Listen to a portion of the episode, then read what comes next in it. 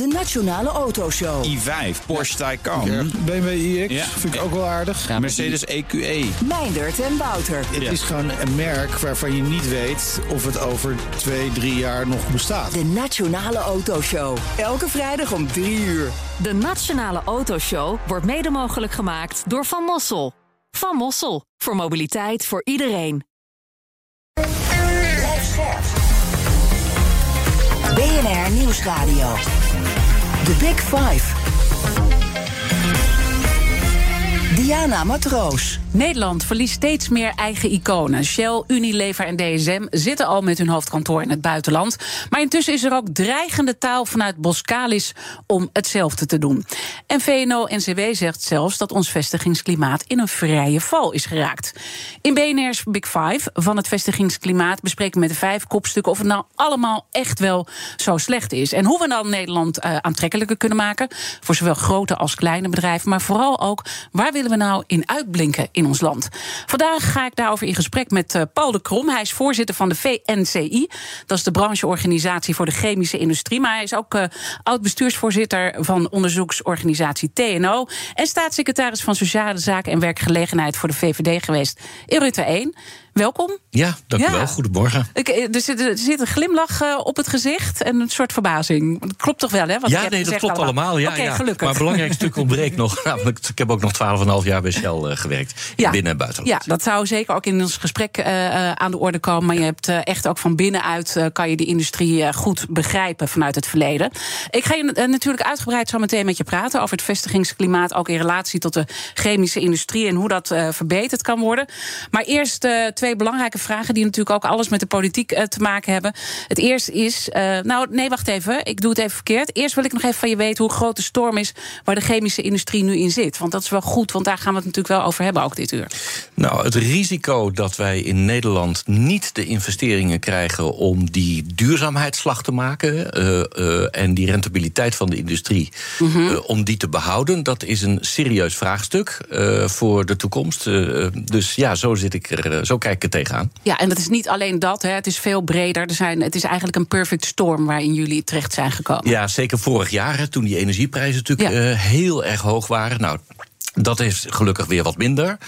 Eh, maar als je het vergelijkt met bijvoorbeeld de Verenigde Staten, dan is het nog steeds zo dat daar de energieprijzen een stuk lager liggen. Als je dat dan ook nog eens een keer eh, combineert met dat pakket wat de Amerikaanse regering heeft neergelegd van zo'n 370 miljard dollar, waarmee de industrie wordt geholpen in Amerika om die transitie naar duurzaam en schoon eh, te maken. Ehm, ja, dan betekent dat betekent wel dat het voor bedrijven straks misschien aantrekkelijker gaat worden om daar die investeringen te doen in plaats van hier. Oké, interessant eh, om daar zo meteen over verder te praten. Maar dan natuurlijk even heel belangrijk ook die eh, verkiezingen. Is de verkiezingsuitslag eh, van de provinciale staten nou een vloek of een zegen als je kijkt naar de grote opgaven die we hebben in Nederland? Nou, ik, ik, ik, ik, eh, eerst maar eens zeggen dat ik het ongelooflijk knap vind eh, wat de BBB-partij mevrouw van der Plas heeft gepresteerd. Want dit is bijna nog nooit vertoond. Hè? Eh, we hebben natuurlijk wel eerder verrassingen gehad, maar op deze schaal in alle provincies de Ja, grootste. want dat 16 is nu zetels in de Eerste? Kamer. Ja. Ehm, want zo ligt het nu. eh, ehm, ja, dat is, dat is echt ongekend. Dat Wat zegt ik- het jou? ja, het, het zijn het, volgens mij zijn het niet alleen boeren die op de partij hebben gestemd, maar ook mensen die ehm, ervaren dat de afstand tussen stad en platteland te groot is. Dat eh, mensen ehm, ja, ook heel veel behoefte hebben aan een beetje down-to-earth, gewoon mensenpraat, wat mevrouw van der Plas heel goed kan. Ehm, dus ik denk dat het een combinatie van factoren is. En wat ik nu hoop, want nu komt het moeilijkste, denk ik, voor eh, mevrouw van der Plas en haar eh, vertegenwoordigers in de provincies. Ja, die zijn denk ik als eerste aanzet dan om die colleges te vormen. Maar dan moet je ook verantwoordelijkheid gaan nemen voor bijvoorbeeld het oplossen van het stikstofprobleem. hè. Ehm, eh, ja, en dat hoop ik ook dat men elkaar daar weet te vinden. Dat die verbinding kan worden gelegd. Eh, want nou ja, er wordt nu al druk overleg gevoerd hè, om te kijken achter de schermen. eh, om, om, haar een handreiking te gaan doen en de partij een handreiking te Het doen. lijkt mij verstandig. Het lijkt mij verstandig om dat op een rustige manier te doen. We hebben er allemaal ongelooflijk veel baat bij dat het stikstofprobleem echt wordt opgelost. Mhm. Bedrijven die krijgen geen vergunningen meer. bijvoorbeeld als ze fabriek willen bouwen of een nieuwe installatie die juist uh, helpt om dat klimaat, uh, om CO2-uitstoot te verminderen of uh, plastics ja, daar lopen jullie in de chemische industrie ook gewoon tegenaan. Ja, het zijn niet alleen de boeren die allemaal nee. problemen ondervinden, maar ook jullie en zoveel meer. Ja. En, en in dat verband is het dan een vloek of een zegen dat zij nu zo groot is geworden? Want zij heeft twee hele duidelijke eisen richting die boeren dat die niet verplicht uitgekocht kunnen worden. Dus mm -hmm. dat is één. Maar ze zegt ook, die 2030, dat moeten we gewoon helemaal niet doen. Ja, of het een vloek of een zegen is, dat zullen we zien. Ik hoop dat het uiteindelijk een zegen blijkt te zijn. Mm -hmm. Maar dat zal betekenen dat BBB ook uh, verantwoordelijkheid nu moet gaan nemen in die provinciale staten uh, en gedeputeerde staten. om ook daadwerkelijk aan oplossingen mee te werken. En de andere partijen zullen dan ook ja, daar ook die verbinding moeten zoeken met die partijen. Maar heeft ze een punt ja. als je de wet erop naslaat? Want je hebt altijd de Europese wetgeving natuurlijk. En wij doen uh, van alles hier in Nederland. Maar dat sorteert ook weer voor op die Europese wet. En daar wordt ook vanuit rechtszaken natuurlijk uh, naar gekeken. En dan zegt zij, joh, in die Europese wet staat gewoon 2035. Dus je kan dat gewoon loslaten. Ja, nou, ik, ik moet zeggen, uh, dat zullen we zien of dat kan of niet. Uh, ik zit daar onvoldoende diep in, zeg ik heel eerlijk. Mm -hmm. Maar het is natuurlijk wel zo dat we in Nederland wel de neiging hebben om altijd weer koppen bovenop uh, Europese wetgeving te zetten. Dat is hier ook het geval. met stikstof, maar dat doen we ook met de kaderrichtlijn water. dat wordt misschien straks ook nog weer een probleem. En ik zou willen zeggen, eigenlijk, laten we dat nou, laten we dat nou een beetje voorzichtig uh, niet meer doen. Mm -hmm. uh, want dat betekent dat je dus dit soort consequenties krijgt. Ja, uh, dat het land op slot gaat. ja, dat is niet goed. Niet goed voor bedrijven. we kunnen niet meer uit de voeten met die vergunningen. De Mhm. mm -hmm. overheid mm -hmm. zit vast. Ja, ik hoop dat we dat en ze een oplossing dus kunnen ook vinden. mijn vraag een vloek of een zegen. Want je zou kunnen zeggen met wat er nu op tafel ligt... en haar keiharde eis die ze op tafel legt namens BBB... dat ook het stikstofdossier gewoon weer tot stilstand komt. En dat er dus eigenlijk voor de bedrijven... Ja. En dus ook voor de chemische industrie, dus daarom vraag ik het ook aan jou, weer langer een stilstand komt. Ja, dat zou Dus de rampzalig vraag zijn. is, is: is het een vloek of een zegen? Weet Ja, je wel, dat, dit dat, gebeurt? dat, als dat zou gebeuren, zou dat rampzalig zijn. Mhm. Want uh, bijvoorbeeld in Brabant, daar worden door de autoriteiten gewoon helemaal geen natuurvergunningen meer vergund. En dat betekent dat je eigenlijk niks meer kan. Um, ja, en als we vooruit willen in dit land, als we investeringen willen, uh, installaties willen die bijdragen aan het oplossen van het klimaat- en energieprobleem, dan hebben we dat wel nodig. Hebben we die stikstofruimte nodig. Dus het zou rampzalig zijn als men dat niet weet op te lossen. Uh, ik ga ervan uit dat men dat wel wil. Mm -hmm. um, mevrouw Van der Plas komt ja, die, die vind ik toch altijd wel redelijk verstandig. Maar nu komt het erop aan dat ze ook echt moet gaan meewerken aan oplossingen. Ja, nou, nou ben jij natuurlijk iemand die heel lang in die politiek heeft rondgelopen. En trouwens, jouw partij, VVD, heeft natuurlijk wel echt een zware klap te verduren gekregen. Raakt dat je nog ergens? Ja, ik ben er natuurlijk heel lang al uit. Hè. Jawel, maar het zit toch wel in je, denk ik, die VVD. Ja, nou, of wat, niet meer? Wat... Herken je je er minder in in de VVD? Oh, jawel. Ja, nee, het is nog steeds mijn partij. Maar ik ben er al, natuurlijk al 11 jaar, 12 jaar helemaal niet meer actief. Mhm. Mm -hmm. uh, dus ik kijk daar net zo uh, naar als anderen, denk ik. Mm -hmm. uh, waar het mij vooral om gaat nu, is die problemen waar Nederland vastloopt... op het gebied van vergunningen, stikstof... de aanleg van infrastructuur, bijvoorbeeld op het gebied van energie. Als je die industrie wil vergroenen. Ja, dan zul je ook de infrastructuur moeten hebben. Dan zul je voldoende groene energie moeten hebben. Ja, en ik constateer dat dat te langzaam gaat en dat dat vast dreigt te lopen Mhm. als we niet gaan versnellen. Nou. Uh, dat is denk ik de grote uitdaging voor de komende jaren. En dat is ook de grote uitdaging als het gaat om ons vestigingsklimaat, uh, denk Zeker. ik. En in die zin is dit dan een goede uitslag als je dat aan het vestigingsklimaat uh, koppelt, wat we nu zien? Of wordt het allemaal nog complexer? Want als we gewoon even benoemen in wat voor tijd we ook zitten. We zitten in een tijd van transitie. We weten allemaal welke kant we op moeten. Maar het gaat nu over de uitvoering. Hoe krijgen we het voor ja, elkaar? Exact. En uh, is de wil er ook van iedereen om het te doen? Want ja. iedereen gaat ook in de weerstand. Want veranderen is natuurlijk nooit leuk. Nee, nou, in de weerstand bij de chemie is dat niet zo, want wij willen heel graag die omslag maken hè, naar die fossielvrije, klimaatneutrale industrie. Uh, daar is ook geen twijfel over dat we daar naartoe willen. Maar u heeft helemaal gelijk. Je hebt helemaal gelijk. Hè. De, de belemmeringen zitten in die uitvoering. Dus wat nou belangrijk mm. is, is dat we. We hebben hele ambitieuze doelstellingen in Nederland. Wat, wat mij betreft ook prima is. Maar ik zou wel willen zeggen. Stop nou met nog meer ambitie stapelen, met weer nieuwe doelstellingen, terwijl die uitvoering niet voor elkaar is. Dus toen je dat rapport van eh, Laura van Geest eh, las, dat het onlangs Ja. is uitgekomen, Ja. die natuurlijk zegt we moeten hele scherpe keuzes gaan maken Ja. en daar ook wat meer richting eh, aan gaf. Wat, wat denk jij dan? dan denk ik, die scherpe keuzes zijn nodig, maar wel in de uitvoering. Eh, dat is wat ik denk. Want als, je, als ik bij de bedrijven langs ga. en je vraagt gewoon aan bedrijven. eh goh, laat zien, hè, hoe gaan jullie die omslag nou maken? Dan krijg je prachtige verhalen over. eh, wat nodig is om dat te doen. En de investeringen die daarvoor nodig zijn. De projectmatige aanpak om dat te doen. Ehm, en dan zeggen ze vaak: ja, we willen wel graag, maar waar blijft die groene energie? Waar blijft de infrastructuur? Eh, waar blijven mijn vergunningen om dat te kunnen doen? Dat is eigenlijk wat je hoort. Eh, dat gaat niet eens zozeer over geld, maar dat gaat hierover. The Big Five. Diana Matroos.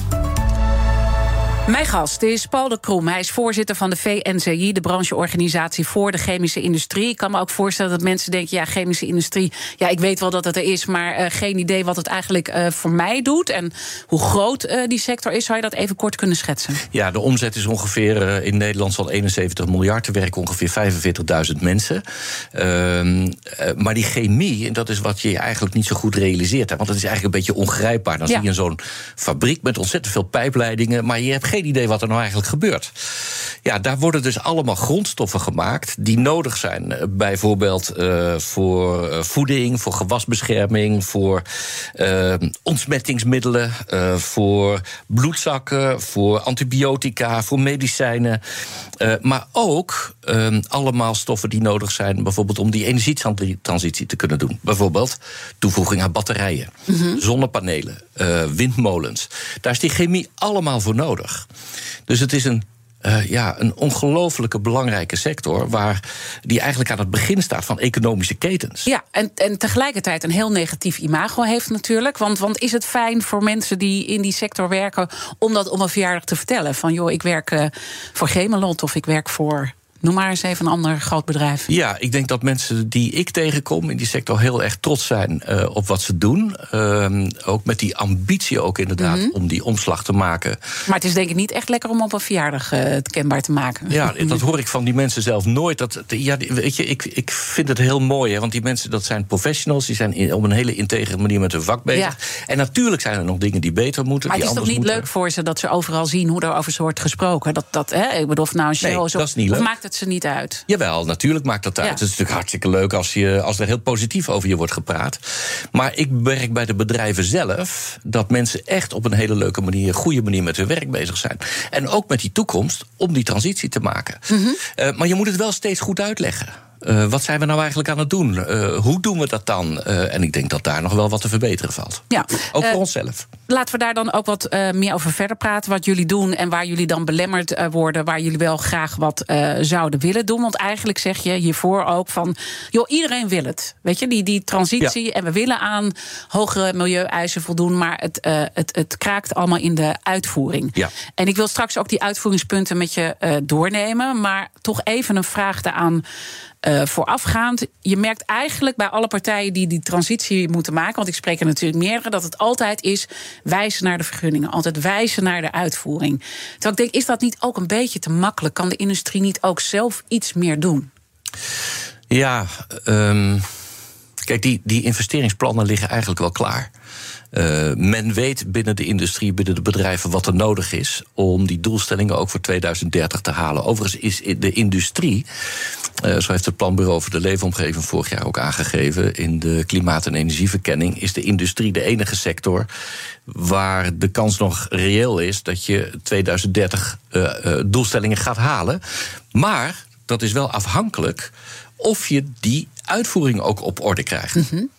Ehm, dus die motivatie om dat te doen is heel erg groot. Ehm, en als ik nou kabinet zou zijn, dan zou ik alles op die uitvoering inzetten. Ehm, vergunningen voor nou ja, windpark op zee. Dat duurt soms acht tot tien jaar. Hè? Of niet alleen vergunningen, maar de, de, de, van, van, plan tot uitvoering. Acht tot tien jaar. Vergunningen duren soms vijf tot zes jaar. Eh, nou, zo zijn er heel veel voorbeelden. Het Portos, Portos-project is natuurlijk een hele belangrijke. hè? Portos is een belangrijke. Portos, eh, dat is een project eh, in, ehm, in Rotterdam. Eh, en dat gaat erover dat we CO2 weer eigenlijk zouden willen opslaan in de Noordzee. Ja. Nou, dat is een maar die pijpleiding moet worden aangelegd. Eh, ja, dat levert stikstofuitstoot op. Tijdelijk.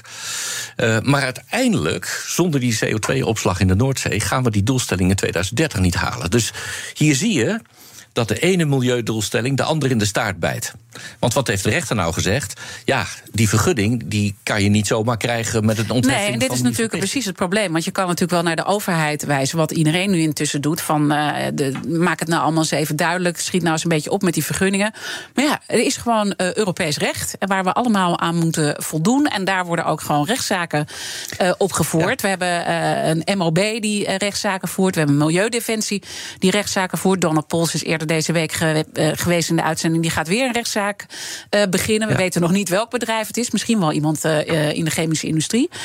Wie, zal, wie zal het zeggen? Dus is, is dit de uitweg dan om naar die overheid te wijzen? Vraag ik me af. Nee, we zullen het samen moeten doen. Kijk, wat je van het bedrijfsleven mag verwachten zijn de noodzakelijke investeringen om die transitie te doen. Eh, maar, dat kunnen, en, maar, dat, maar, dat, maar we kunnen het eenvoudigweg niet alleen. Je hebt ook die overheid nodig om inderdaad die groene energie, de, de, de, de elektriciteit, voldoende aansluitingen, ehm, eh, de vergunningen, om dat te kunnen doen. Dat kunnen we eenvoudigweg niet alleen. En Dus dat begrijp ik, hè? dus ik ga helemaal in die, in die argumentatie mee. Ja. Maar mijn vraag is: wat kunnen jullie nou nog meer doen? Hè? Als ik bijvoorbeeld kijk naar zo'n chemiebedrijf als Chemour, die eh, nou ja, zorgt dat er allemaal eh, stoffen op de grond eh, neerdalen die gewoon gevaarlijk zijn voor onze volksgezondheid. En waar jaren geleden al door het bedrijf ook is vastgesteld dat dat een probleem kan zijn. Mensen die zwanger waren, die moesten op een andere plek gaan werken. Dus ik bedoel, dan weet je eigenlijk wel. Je kijkt me nu heel moeilijk aan. Nee, nee. Oké, eh, dan weet je eigenlijk wel van eh, eh, dit, dit, is, dit is niet goed. En dat gaat dan maar door, weet je. Dan heb je toch zoiets, ja, wat is dan de gedachtegang bij zo'n bedrijf? Ik bedoel, ergens moet je toch ook vanuit jezelf denken van... dit kan zo niet langer. Ja, ik ben natuurlijk geen woordvoerder voor Chemour. Hè. Eh, dat moeten ze zelf oh ja, eh, ik doen. sprak het verkeerd uit. Misschien kijk je daarom zo raar naar. Nee, nee, nee, nee, hoor, nee, nee. Eh, kijk, wa- wat, wat er, ik zei al, er is nog een hoop werk te doen, ook op het gebied van stoffen. En uiteindelijk wil je natuurlijk dat die stoffen niet in het milieu terechtkomen. Mhm. Eh, dus ehm, er is een heel groot programma in Europa Ja. eh, om die omslag ook te maken. Ehm, op 22 maart eh, dan start er een consultatieronde over een PFAS-verbod, bijvoorbeeld in Europa. Ehm, ja, ik denk dat we, hoe eerder we die stoffen uit dat milieu kunnen eh, halen, hoe beter het is. Ehm, maar we moeten niet alles tegelijk zomaar weggooien. Want bijvoorbeeld brandvertragers, daar zitten die stoffen ook in. Als je dat ook allemaal van de een op de andere dag verbiedt, ja, dan kan het ook zo, eh, ervoor zorgen dat eh, situaties in bedrijven gevaarlijk worden. Ja, en die afweging begrijp ik. Maar Ja. je vertelde al even, je hebt natuurlijk ook heel lang bij Shell gewerkt. Dat is natuurlijk ook wat we rond Groningen hebben gezien. Het was gewoon eh, ja, gevaarlijk voor de veiligheid van mensen in dat gebied. Ja. Maar er waren ook zoveel goede argumenten om ermee door te gaan. En dan is toch, hoe maak je nou die afweging? Nou, door te kijken naar de risico's. Hè. Mhm. Dus de stoffen die het grootste risico opnemen, daar, eh, opleveren, daar moet je het eerst op richten. Daar gaat het Europese programma ook over. Daar werken wij ook van harte aan mee. Hè, want inderdaad, hier moet ook een omslag worden gemaakt. Eh, wij zien dat dus ook een groeikans en niet als een bedreiging. Maar dat betekent wel, we, moet, we kunnen niet alles tegelijk. Dus we hebben nu eh, met de Europese Commissie een zogenaamde, ja, dat heet dan met een mooi woord, Transition Pathway. Dat is een soort roadmap. Mhm. Wat moet de industrie nou doen de komende jaren om die verduurzamingsslag te maken? Ja, er is ook een eh, commissie onder leiding van Carolien Gerels ingesteld. die ook eh, maatwerkafspraken moet gaan evalueren. en dan met de industrie moet gaan maken. waar de grote stappen gezet kunnen worden. Ja, dat, Ja. dat is weer een iets apart onderwerp. Eh, maar wat ik belangrijk vind van die roadmap... Ja. is dat de Europese Commissie zegt... die chemie is voor Europa ongelooflijk belangrijk. Want we willen niet afhankelijk afhankelijk worden, nog meer van die grondstoffen en die producten die de chemie levert van landen als China. Dus wij willen. Waar nu al 40% van de investeringen naartoe gaan hè, in de chemie. Dus Ja. dat moeten we ook even, als het over onze medicatie gaat, Zeker. even onthouden. Dus dat, je wil die cruciale stoffen wel graag hier blijven maken. Om Mhm. te voorkomen dat je daarvoor afhankelijk wordt van, nou ja, van, van dat soort landen. Ehm, en dat betekent dat je een roadmap moet hebben over wat is er nou nodig de komende jaren om dat te gaan doen. Dat heeft de Europese Commissie eh, nu uitgebracht. En we zijn nu bezig eh, om daar voor Nederland invulling aan te geven. En dan gaan we daar heel graag met het kabinet over in gesprek. Van wat moeten we nou eerst doen? Wat kan even wachten? Want we kunnen niet alles tegelijk. En we hebben ongelooflijk veel te doen op het Ja. gebied van stoffen, van energie, op het gebied van klimaat, digitalisering. Noem maar op. Ja, het gaat niet allemaal in één keer. Maar waar ligt jullie prioriteit dan? Nou, energie en klimaat is wel echt heel erg belangrijk. Maar dat stoffen, dat, is, eh, ja, dat staat ook wel heel erg bovenaan. Ja, nee, want da- daarom, want ik snap ook de complexiteit. En dan lijkt Ja. het me zo moeilijk. eh, en ik snap ieder, ieders complexiteit. Ik bedoel, ik spreek zoveel mensen voor deze Ja. eh, microfoon. En dan denk ik, hoe komen we nou verder? Weet je wel? Hoe, hoe, waar, waar moet nu de doorbraak vandaan komen? Uit de uitvoering. Echt, daar zit het. Ehm, eh, het stapelen, blijven stapelen van ambities, beleidsplannen, daar hebben we echt wel genoeg van. Eh, op het gebied van die klimaat- en energietransitie. Wij willen aan de slag. Zorg er nou voor dat we in die uitvoering dat ook kunnen doen. Dat is eigenlijk mijn belangrijkste oproep. Laten we daar dan zo meteen eh, over verder praten. En of bedrijven hier eh, ook overwegen om dan maar naar het buitenland te gaan. Omdat het hier steeds onmogelijker en onduidelijker wordt voor die partijen om zaken te doen. Ik praat met eh, Paul de Krom. Hij is de voorzitter van de brancheorganisatie voor de chemische industrie. Blijf luisteren. Ook Bas van Werven vind je in de BNR-app. Ja, je kunt live naar mij en Iwan luisteren tijdens de ochtendspits. Je krijgt een melding van Breaking News. En niet alleen onze podcast Ochtendnieuws, maar alle BNR-podcasts vind je in de app. Download nu de gratis BNR-app en blijf scherp. Blijf scherp. BNR Nieuwsradio. The Big Five. Diana Matroos. Welkom bij het tweede halfuur. Deze week praat ik met vijf kopstukken over het vestigingsklimaat. Eerder deze week sprak ik met Constantijn van Oranje als ambassadeur namens brancheorganisatie TechLeap. Hij staat eh, voor de start- en scale-ups in Nederland. En met name de techbedrijven. Eh, Hoe aantrekkelijk het daarvoor is eh, op dit moment in Nederland. Het gesprek is terug te luisteren via onze BNR-app. Mijn gast vandaag, met wie ik de week besluit, is Paul de Krom. Hij is voorzitter van de VNCI, de brancheorganisatie voor de chemische industrie. En komend half uur wil ik in ieder geval nog twee onderwerpen met je bespreken, Paul. Namelijk jouw nieuwe functie als CEO van de Lauman Group, een van Europa's grootste autodistributeurs. Daar ga je heel snel beginnen. Gefeliciteerd alvast. Dankjewel. En het tweede, of de chemische industrie, waar je dus nu nog de voorzitter van bent, ook nog een goede toekomst heeft eh, in Nederland. En laten we met dat eh, laatste beginnen, want het heeft ook alles met het vestigingsklimaat te maken. En als je dat vestigingsklimaat nu beoordeelt voor die chemische industrie, is het dan een goed klimaat? Kijk, het is niet zo als je. Het is niet zo dat morgen bedrijven gaan omvallen. Hè. Dus eh, bijvoorbeeld als je van Rotterdam naar het puntje van de Baasvlakte rijdt. En dan zei minister Wiebes heeft dat eens een keer heel mooi gezegd. Hè, dan rij je door 50 kilometer industrieel genot. Hè. Daar zitten natuurlijk tientallen miljarden investeringen. Het is natuurlijk niet zo dat je die zomaar even oppakt en anders, ergens anders neerzet. Nee. Maar waar het wel over gaat, is of die investeringen die nodig zijn voor die toekomst, voor die klimaatneutrale toekomst, of je die ook hier krijgt. Als het ergens anders veel rendabeler is om dat te doen dan hier in Nederland, ja, dan loop je het risico dat die investeringen je neus voorbij gaan. En hoe ver zijn we dan op dat punt? Nou, kijk, die productiecijfers van de eh, chemische industrie die, eh, zijn niet goed. Eh, Als je naar de afgelopen maanden kijkt, dan zie je dat de productie krimpt. Eh, je ziet eh, dat bedrijven, eh, zoals BASF bijvoorbeeld, die 10 miljarden investeringen doet in China, maar de kosten in Europa. BASF is het grootste chemische bedrijf eh, van de wereld, Eh, hoofdvestiging in Duitsland.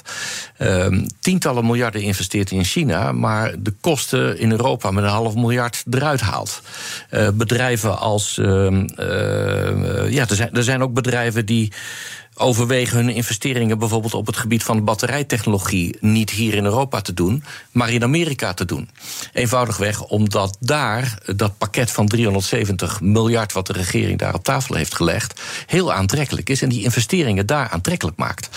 Dus het is niet zo dat morgen die industrie omvalt, maar we verliezen uh, wereldwijd marktaandeel.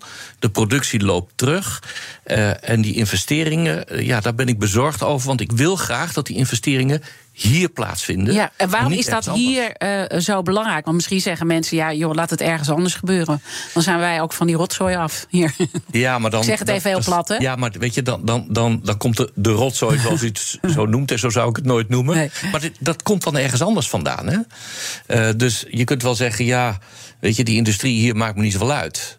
Maar dan wordt het gewoon geïmporteerd. En dan exporteer je uh, milieu- en klimaatprobleem naar elders. Ik heb liever dat we het hier oplossen. Mm -hmm. uh, we hebben hier nog steeds een land met veel kennis. Uh, opleidingsinstituten die goed zijn, goede infrastructuur, goede logistiek, een goede ligging aan zee. Dus het is niet zo dat het allemaal heel somber is. Hè. We staan er nog steeds goed voor, maar mm -hmm. je ziet ons wel zakken op de internationale lijst. Ja, je ziet uh, duidelijk een kanteling. Hè. We zijn van ja. plek 4 uh, naar 6 gegaan. Overigens zijn die lijstjes ook wel weer uh, nou ja, moeilijk hoe, hoe betrouwbaar die nou echt zijn. Weet je, want die verschillen dan ook wel weer uh, met elkaar. Nou ja, het geeft wel een trend weer. Het geeft een trend weer ja. dat, dat, dat er eigenlijk wel een kanteling is. En ja. uh, al mijn andere gasten geven ook aan dat komt omdat het hier gewoon onduidelijk is. Het duurt lang, het is onvoorspelbaar ja. waar het kabinetsbeleid, het overheidsbeleid naartoe sorteert. Nou, met stikstof zien we natuurlijk nu ook weer de totale onduidelijkheid nu weer optreden. zijn dit ook wat jou betreft de punten? Ja, absoluut. Ja, mm. ja die, kijk, bedrijven die willen uh, continuïteit van beleid. Want dan kunnen ze ook uh, uitrekenen dat hun investeringen die ze doen, dat dat ook op termijn rendeert. Maar dan moet je wel zorgen dat het fiscale klimaat, maar ook de, de doelstellingen, bijvoorbeeld op het gebied van klimaat en energie, niet mm -hmm. elke keer weer veranderen. Um, een paar jaar geleden hadden we het klimaatakkoord. Daar hebben wij ook uh, natuurlijk aan meegedaan, onze handtekening eronder gezet. Zoveel CO2-uitstoot in 2030 minder dan komt er een nieuw kabinet. Die zegt van ja, we gooien er nog een schep bovenop.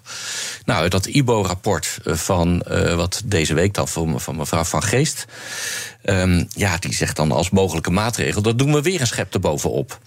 En dan denk je, laten we nou eens zorgen dat we de afspraken die we al hebben. Dat we die nou eens gewoon realiseren. En dan kom ik toch weer op die uitvoering terecht. Ja. Daar ligt natuurlijk de crux. Dus ik hoop dat het kabinet uh, als zij naar dat rapport gaan kijken, vooral dit in het achterhoofd heeft. Ja, en, en eigenlijk is wat je zegt uitvoering, uitvoering, uitvoering. Ja, dat dat is een belangrijk Prioriteit punt. 1, 2 en 3. Wat je maakt. Ja. Ik begreep dat je ook onlangs een mailtje kreeg uit de Verenigde Staten. dat daar vijf of uh, zes waterstoffabrieken worden gebouwd met geld dat vrijkomt door dat grote steunplan. Hè, die energietransitie uh, die Joe Biden natuurlijk voorstaat met die Amerikaanse Inflation Reduction Act. Wat denk jij dan als je zo'n mailtje leest en je kijkt naar ons land, hoe wij met al dit soort zaken omgaan? Dan denk ik, we hebben haast. Uh, want voordat je het weet, uh, als we niet opschieten, ook met het produceren van groene waterstof, mm -hmm. ja, dan gaan we het straks alleen maar importeren. En dan verliezen we toch een geweldige kans. Want we hebben hier een ligging aan zee. Uh, we hebben de infrastructuur om, water, om water, naar een waterstofeconomie toe te gaan. Um, ja, die kans mogen we niet laten lopen. En ik ben er zo gemotiveerd mm -hmm. voor om te zorgen dat dat dat wij die kans wel pakken. Ja, en hoe ga je dat voor elkaar krijgen? Je bent een goede lobbyist natuurlijk. Ik bedoel, bel je dan ook met Rutte? nee, ik wil niet zo vaak met Rutte. Nee, nee. Nee? nee. nee we hebben wel heel veel contacten. Ook met VNO, met economische ja. zaken. Maar ook met uh, het ministerie van uh, INW bijvoorbeeld. Uh, waar we dit eigenlijk continu op tafel leggen. Ja. En proberen dat ook samen op te lossen. Ja, we zullen het toch samen moeten doen. De overheid heeft de bedrijven nodig. Maar wat nodig. krijg je dan terug? Want dit, dit is natuurlijk iets... En ik snap helemaal jouw beredenering. En dat snap ik ook van anderen. Maar dit hoor ik al zo ontzettend lang. Nou wat krijg je terug dan? Ja, ja, wij vinden dat ook. Er is, ik ben nog nooit iemand tegengekomen die heeft gezegd: Nou, laten we de boel nou eens lekker vertragen. Ja. Nog nooit. Maar waarom gebeurt het dan niet? Ja. Misschien een hele platte, makkelijke vraag weer die ik stel. Als maar jij, nou, een heel wel... simpel voorbeeld. Hè. U noemde zelf dat Portos-project ja. eerder. Uh, de ene milieudoelstellingen bijt de andere in de staart. En dan is de vraag aan de overheid natuurlijk toch: ja, wat wil je nou? Ja. Wil je nou dat wij die klimaat- en energietransitie doen als bedrijfsleven? Of vind je stikstof nou belangrijker? Nou, kennelijk kan het niet allebei. Ja, kies dan. Maak het dan mogelijk dat wij dat wel kunnen doen. En wat, wat, wat, wat komt er dan terug?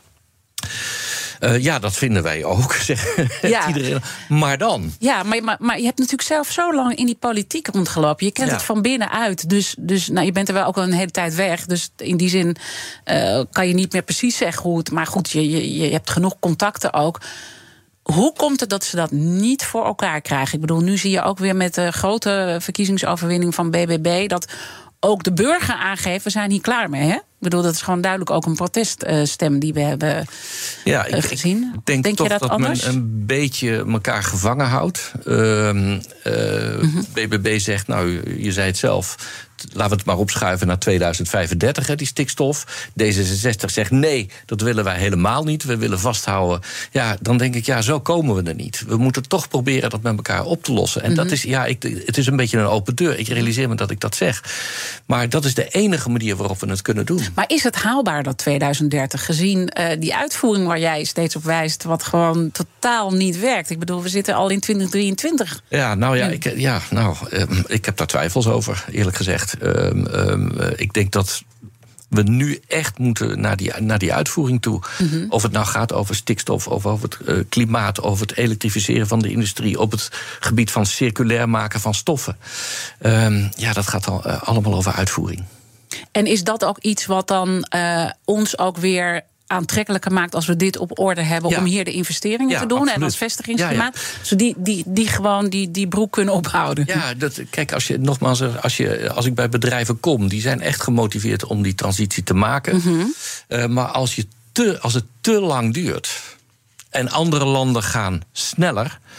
Ja, dan loop je het risico dat die investeringen die nodig zijn, dus niet hier plaatsvinden, maar elders. Ja, en ik zou dat ongelooflijk jammer vinden als dat ja, gebeurt. Want, want hoor je wel eens terug uh, verhalen uit het buitenland dat buitenlandse partijen zeggen: wat zijn jullie aan het doen hier? Of. Ja, je hebt natuurlijk wel die. Uh, die signalen. Kijk, uit. Uh, de chemie is een hele internationale markt. Ja, Bedrijven die ja. opereren internationaal. Ja, wat ik toch wel eens vind, is dat we hier heel erg zitten te kijken op de vierkante millimeter. Net alsof wij bepalen wat de rest van de wereld doet, dat is een misverstand. Hè. Zo groot zijn we nou ook niet. We hebben een hele grote industrie. We zijn de vierde grootste industrie, uh, chemische industrie in Europa. Dus ja, daar waren we vroeger trots op. Hè? Ja, ik vind ja. dat we dat nog steeds moeten zijn. Om, um, en ik vind ook dat we die industrie niet kwijt mogen raken. Omdat het zo belangrijk is. Niet alleen voor de welvaart. Niet voor, mm -hmm. alleen voor groei en werkgelegenheid. Maar ook omdat die stoffen zijn die nodig zijn. In mm -hmm. alles wat we doen. Ja. Daar zit het allemaal in. Ja, want als je hoort dat die investeringen nu al voor 40% naar China gaan, dan is dat niet echt iets waar je gerust op moet uh, zijn, gezien onze strategische autonomie die we ook willen houden. Precies. Hè? En als je kijkt ja. naar de laatste 20 jaar, dan zie je dat aan het begin deze eeuw Europa nog zo'n 27% uh, uh, aandeel had op de wereldmarkt, als het mm -hmm. over chemie gaat. Ja, dat is inmiddels 15%. Dus we verliezen, we hebben al een heel groot stuk verloren. Mm -hmm. Dus het gaat erom dat wij die snelheid die nodig is om die investering te verzekeren hier in dit land. Want we willen als chemie deel zijn van de oplossing. Ja. Uh, als het gaat over die energietransitie, ik heb aangegeven waar die chemie allemaal voor nodig is. Ja, dan kun je niet zonder. En als je dan zegt, uh, we willen graag onderdeel van de, zijn van de oplossing. Ik begon deze week um, met een gast uh, die ook verantwoordelijk is voor de innovatiemonitor. En daaruit blijkt dat 19% van de bedrijven geen ambitie heeft om zijn ecologische voetafdruk nog tot nul te reduceren. En hij geeft dan aan, dat is Henk Voorbedaar, hoogleraar strategie en innovatie aan de Universiteit van Amsterdam, dat het vooral gaat om bedrijven met een grote milieubelasting. Hun eigen winstgevendheid wordt als belangrijker ervaren dan de impact voor mensen en milieu. Wat zeg jij tegen bedrijven die dit dus aangeven? Nou, ik, we moeten die transitie door. Dat moet. Ja. Uh, en ik kom die bedrijven ook niet tegen die dit zeggen. Ik ben ze niet tegengekomen, nee. laat ik het zo zeggen. Um, met name innovatie. Het kan ook een, buiten de, de chemische industrie liggen. Ja, maar het bij, gaat om, bij, om, om bedrijven met een grote milieubelasting. Dus ja, daar zou de chemie ook weer bij kunnen zitten. ik kom het bij onze bedrijven niet tegen. Wij zijn, mm-hmm. we hebben ook een strategie, ook als VNCI, natuurlijk met onze leden uh, opgesteld. Waarin we heel duidelijk een, uh, ja, een, een routekaart hebben om die transitie te gaan doen. Daar is geen enkel misverstand over. Dat zal moeten. Bij BNR ben je altijd als eerste op de hoogte van het laatste nieuws. Luister dagelijks live via internet. Bas van Werven. En heel langzaam komt de zon op rond dit tijdstip. Je krijgt inzicht in de dag die komt op BNR, het Binnenhof in Nederland en de rest van de wereld. De Ochtendspits. Voor de beste start van je werkdag. Blijf scherp en mis niets. BNR Nieuwsradio. The Big Five. Diana Matroos. Je luistert naar BNR's Big Five van het vestigingsklimaat. Eerder deze week sprak ik met Donald Pols van Milieudefensie over een duurzame economie en maatschappelijk verantwoord ondernemen. Dit is terug te luisteren via bnr.nl en de bekende podcastkanalen. Mijn gast vandaag is Paul de Krom. Hij is voorzitter van de VNCI, de brancheorganisatie voor de chemische industrie. Maak je je zorgen over al die rechtszaken? Want je hebt een Milieudefensie, je hebt een MLB. Hè, dus even los van de hele spanning die er al is ehm, nou, rond allerlei regelgevingen, Europees, uh, nationaal, is dit natuurlijk ook een hele belangrijke factor. Ja, zeker. Uh, ja, ik maak me daar wel zorgen over. Want het betekent dat je dus niet meer met elkaar in gesprek gaat, maar het allemaal voor de rechter gaat uitvechten. Mm -hmm. uh, ja, dan beginnen we een beetje op Amerika te lijken. Hè. Uh, dat polariseert. Ik vind dat niet goed. Ik zou veel liever zien dat we ook met Milieudefensie een goed gesprek blijven voeren over hoe we zo goed en zo snel mogelijk die transities door kunnen. En, en in die zin staat jouw deur open? Spreek je wel eens nou, met Donald Pols? Ik heb hem, nou, ik zit hier nu een jaar. Ik heb hem nog niet zelf gesproken. Ik ken hem wel uit het verleden. Uh, maar wel met mensen van Greenpeace, uh, nou noem maar op. Hè. Dus wij, wij staan daar echt voor open om daarmee aan tafel te zitten. Uh, maar het uitvechten van dit soort dingen voor de rechter, ja, volgens mij brengt je dat uiteindelijk niet zo heel veel verder. En, en zou dat ook impact hebben op ons vestigingsklimaat? Ja, natuurlijk. Want die buitenlandse hoofdkantoren, laat ik het maar zo zeggen, die kijken van wat is daar in de hand in Nederland. Hè? Maar het betekent ook dat je discussie verkrampt. Mm -hmm. Want als je met elkaar in gesprek gaat en je weet dat een ander naar de rechter gaat stappen, ja, dan, dan, dan praat je al bijna niet meer vrij. Uh, dus ik vind dat jammer dat dat zo gaat. Ja, wat, wat zou jij doen uh, als je aan de knoppen. Uh, zou je het nog ooit wel eens willen in die politiek? Of zeg je nou. Nee, nee, nee. nee, nee, nee, nee, nee, nee dat is echt afgesloten. Dat is echt helemaal afgesloten, ja. ja. Maar stel dat je er zou zitten, wat zou jij dan doen om het vestigingsklimaat te verbeteren? Wat zijn de, de, de, de prio drie punten? Ik zou vooral de continuïteit van het beleid in de gaten houden. Dus um, zorgen dat bedrijven weten waar ze aan toe zijn om die investeringen hier te, ook, uh, te, kunnen, te kunnen doen. Mm -hmm. uh, ik, ik zou, uh, en dat geldt op het gebied van het fiscale klimaat, maar ook op het gebied van beleid als het gaat over klimaat, energie, stikstof, et cetera. Ik zou ook, denk ik, eens een, een onderzoekje laten doen hoeveel koppen op Europese regelgeving hebben we nou eigenlijk in dit land. Dat zou ik eigenlijk ook wel willen weten. Dus dat is wat ik ook zou doen. Ja. ja. Want dat, dat is eigenlijk ook wat je steeds aangeeft, die stapeling. Dat, dat ja, die stapeling. Ja, daar worden, wordt, wordt ondernemend Nederland gek van. Ja, daar word je gek van. Ja. Uh, en, en, en dat geeft onzekerheid. Ja. En dat is niet goed. En dat ziet het buitenland ook. Uh, ja, en dat gaat ten koste van je investeringsklimaat of van je ondernemersklimaat. Zou je ook iets aan de toon doen? De toon hoe ja. er naar het bedrijfsleven ja. wordt gekeken? Want dat hoor ik ook een beetje in jouw woorden doorklinken. Klopt. Ja, er wordt toch heel negatief over bedrijfsleven gesproken. Met name het grotere bedrijfsleven. Maar als je kijkt wat voor ongelooflijke belangrijke rol die ook grote bedrijven, hè, mm -hmm. die, die, ja, daar, daar, daaromheen zit een heel dat heet dan met een mooi woord ecosysteem. Ja, ja, ja, ja, de voorzitter van MKB Nederland was hier ook. En die zei ook, ja, vreselijk ja. dat dit woord in de mond moet nemen. Oh, maar zei ja. hij het ook? Ja, ja, ja. ja, ja. een, netwerk van toeleveranciers, bedrijven die met die grote bedrijven mm -hmm. samenwerken. Dus als mensen denken van, nou ja, wat maakt het uit als een bedrijf weggaat? Ja, dat is vaak, die bedrijven zijn vaak verankerd in een heel netwerk. Ja. Dus het gaat niet om één bedrijf, het gaat om alles wat er omheen hangt. Bedrijven, uh, 70% van alle RD-uitgaven, innovatie in Nederland, wordt gedaan door het bedrijfsleven. Waarvan, en van die 70%, 65% door bedrijven met meer dan 250 werknemers. Dus als je niet goed oppast dat dat netwerk gezond blijft, mm -hmm. dat het belangrijk is om te blijven investeren, dan loop je dus ook het risico dat innovatie in RD uh, uh, niet meer gebeurt. Uiteindelijk is het ook uh, de belangrijke vraag: wat willen we voor land zijn en wat voor vestigingsklimaat hoort daarbij? Wat zijn de parels die je dan ook hier zou willen hebben? En daar speelt duurzaamheid natuurlijk ook een belangrijke rol.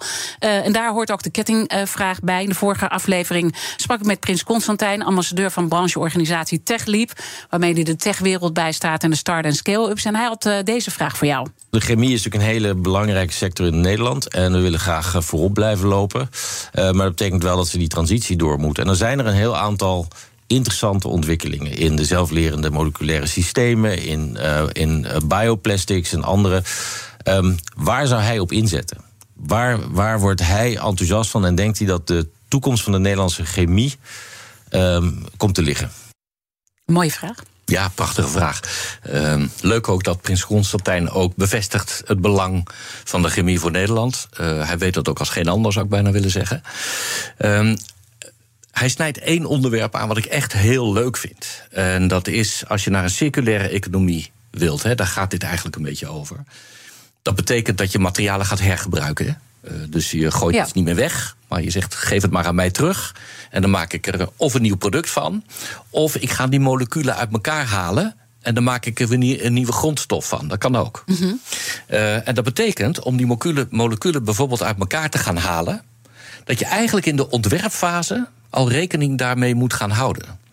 Dus, en dat vind ik wel een hele mooie uitdaging. Hoe je aan het begin van die ketens, mm-hmm. hoe je een stof, een product zo ontwerpt dat je het ook weer goed kan hergebruiken.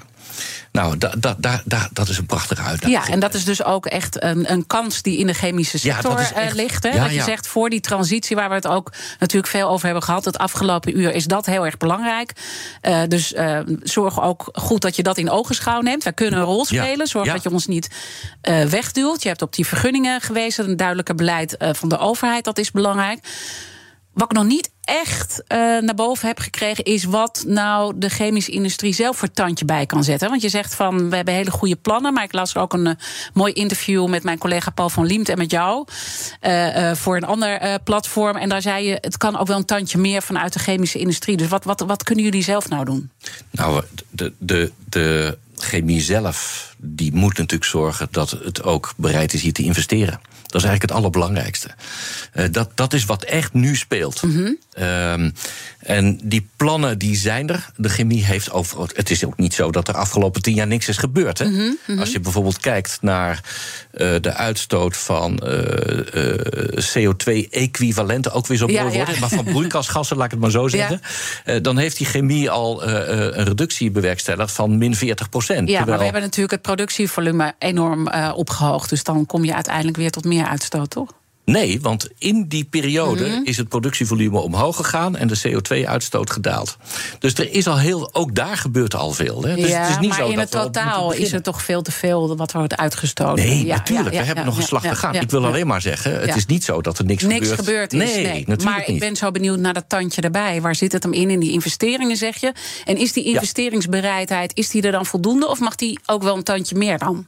Nee, die investeringsbereidheid die is er echt. Hè. We, uh, u, uh, je had het eerder in de uitzendingen over de maatwerkafspraken. Dat zijn afspraken die het kabinet wil maken met de 20 grootste CO2-uitstoters. Ja, er zijn een paar die hebben een intentieverklaring al ondertekend. Ja, dat zijn er vier. Mm -hmm. Ik vind dat een goede aanpak van het kabinet. Omdat je dan heel gericht bezig gaat met uh, de grootste CO2-uitstoters. En ja, als je dat doet voor die 20 bedrijven, dan heb je al een heel groot deel van de uitstoot van de, van de industrie te pakken. Dus dat is een hele verstandige aanpak waar ik echt voor ben. Maar uh, ook hier geldt, jongens, laten we wel opschieten. Ja, uh, je gaat uh, bijna aan een nieuwe baan beginnen natuurlijk. Want ik zei het al eventjes, je wordt CEO van de Lauwman Groep. Een enorme uitdaging ook natuurlijk mobiliteit en duurzaamheid. Dus je lessen kan je meenemen natuurlijk naar die sector. Toch vroegen wij ons allemaal af, waarom zo kort maar voorzitter van die chemiebedrijf? Want het is nog maar krap een jaartje. Een Was jaar. het te, te ingewikkeld? Ja, dat is, dat is ook eigenlijk te kort. Ja. Um, want jij bent echt iemand van de lange adem. Je zit altijd lang op plekken. Ja, ja. dat klopt. Dus ook de eerste ja. keer dat dit overkomt. Ja, dit, dit, dit, soms komt er iets voorbij. En ik was daar niet naar op zoek. Soms komt er iets voorbij waarvan je denkt: van ja, dit kan ik, dit is te leuk, dat kan ik niet laten lopen. Van auto's gaat jouw hart uh, sneller kloppen? Nou, niet alleen van auto's, maar uh, uh, de Lauwman Groep doet niet alleen auto's, nee. maar ook fietsen, mobiliteitsoplossingen voor bedrijven, financiële constructies, deelauto's. Dus ze zijn zich aan het verbreden in die hele mobiliteitsketen. Ja. overigens vind ik auto's wel leuk hoor. Ja. Over treintjes en bussen ook. Vind ik ook mooi. Ehm, dus het, en ja, die, die hele mobiliteit dat is toch eigenlijk um, de bloedsomloop van de samenleving. Vind ik altijd. Het is zo belangrijk. En ook daar moet het duurzamer. En dat zou het leuk vinden als we daar dan een keer in de toekomst ja, over kunnen verder praten. Want je begint over, uh, ik geloof, twee maanden of zo. Twee dus weken. Twee weken zelfs. Dus, uh, nou ja, je, Prachtig bedrijf. uh, iedereen kent het waarschijnlijk van het mooie automuseum in Wassenaar. Waar een geweldige collectie staat van de familie Lauwman. En dat is natuurlijk ook mooi een uh, familiebedrijf. We moeten nog één belangrijke taak verrichten. En ik zit een beetje te vechten met de tijd. want de kettingvraag gaat natuurlijk door. En volgende week maakt mijn collega Art Royakkers weer een hele mooie nieuwe Big Five. Namelijk de Big Five, de macht van het scherm. En de eerste gast die hij ontvangt, dat is Feline Hermans. Zij is hoogleraar Computer Science Education. Wat uh, zou je haar willen vragen?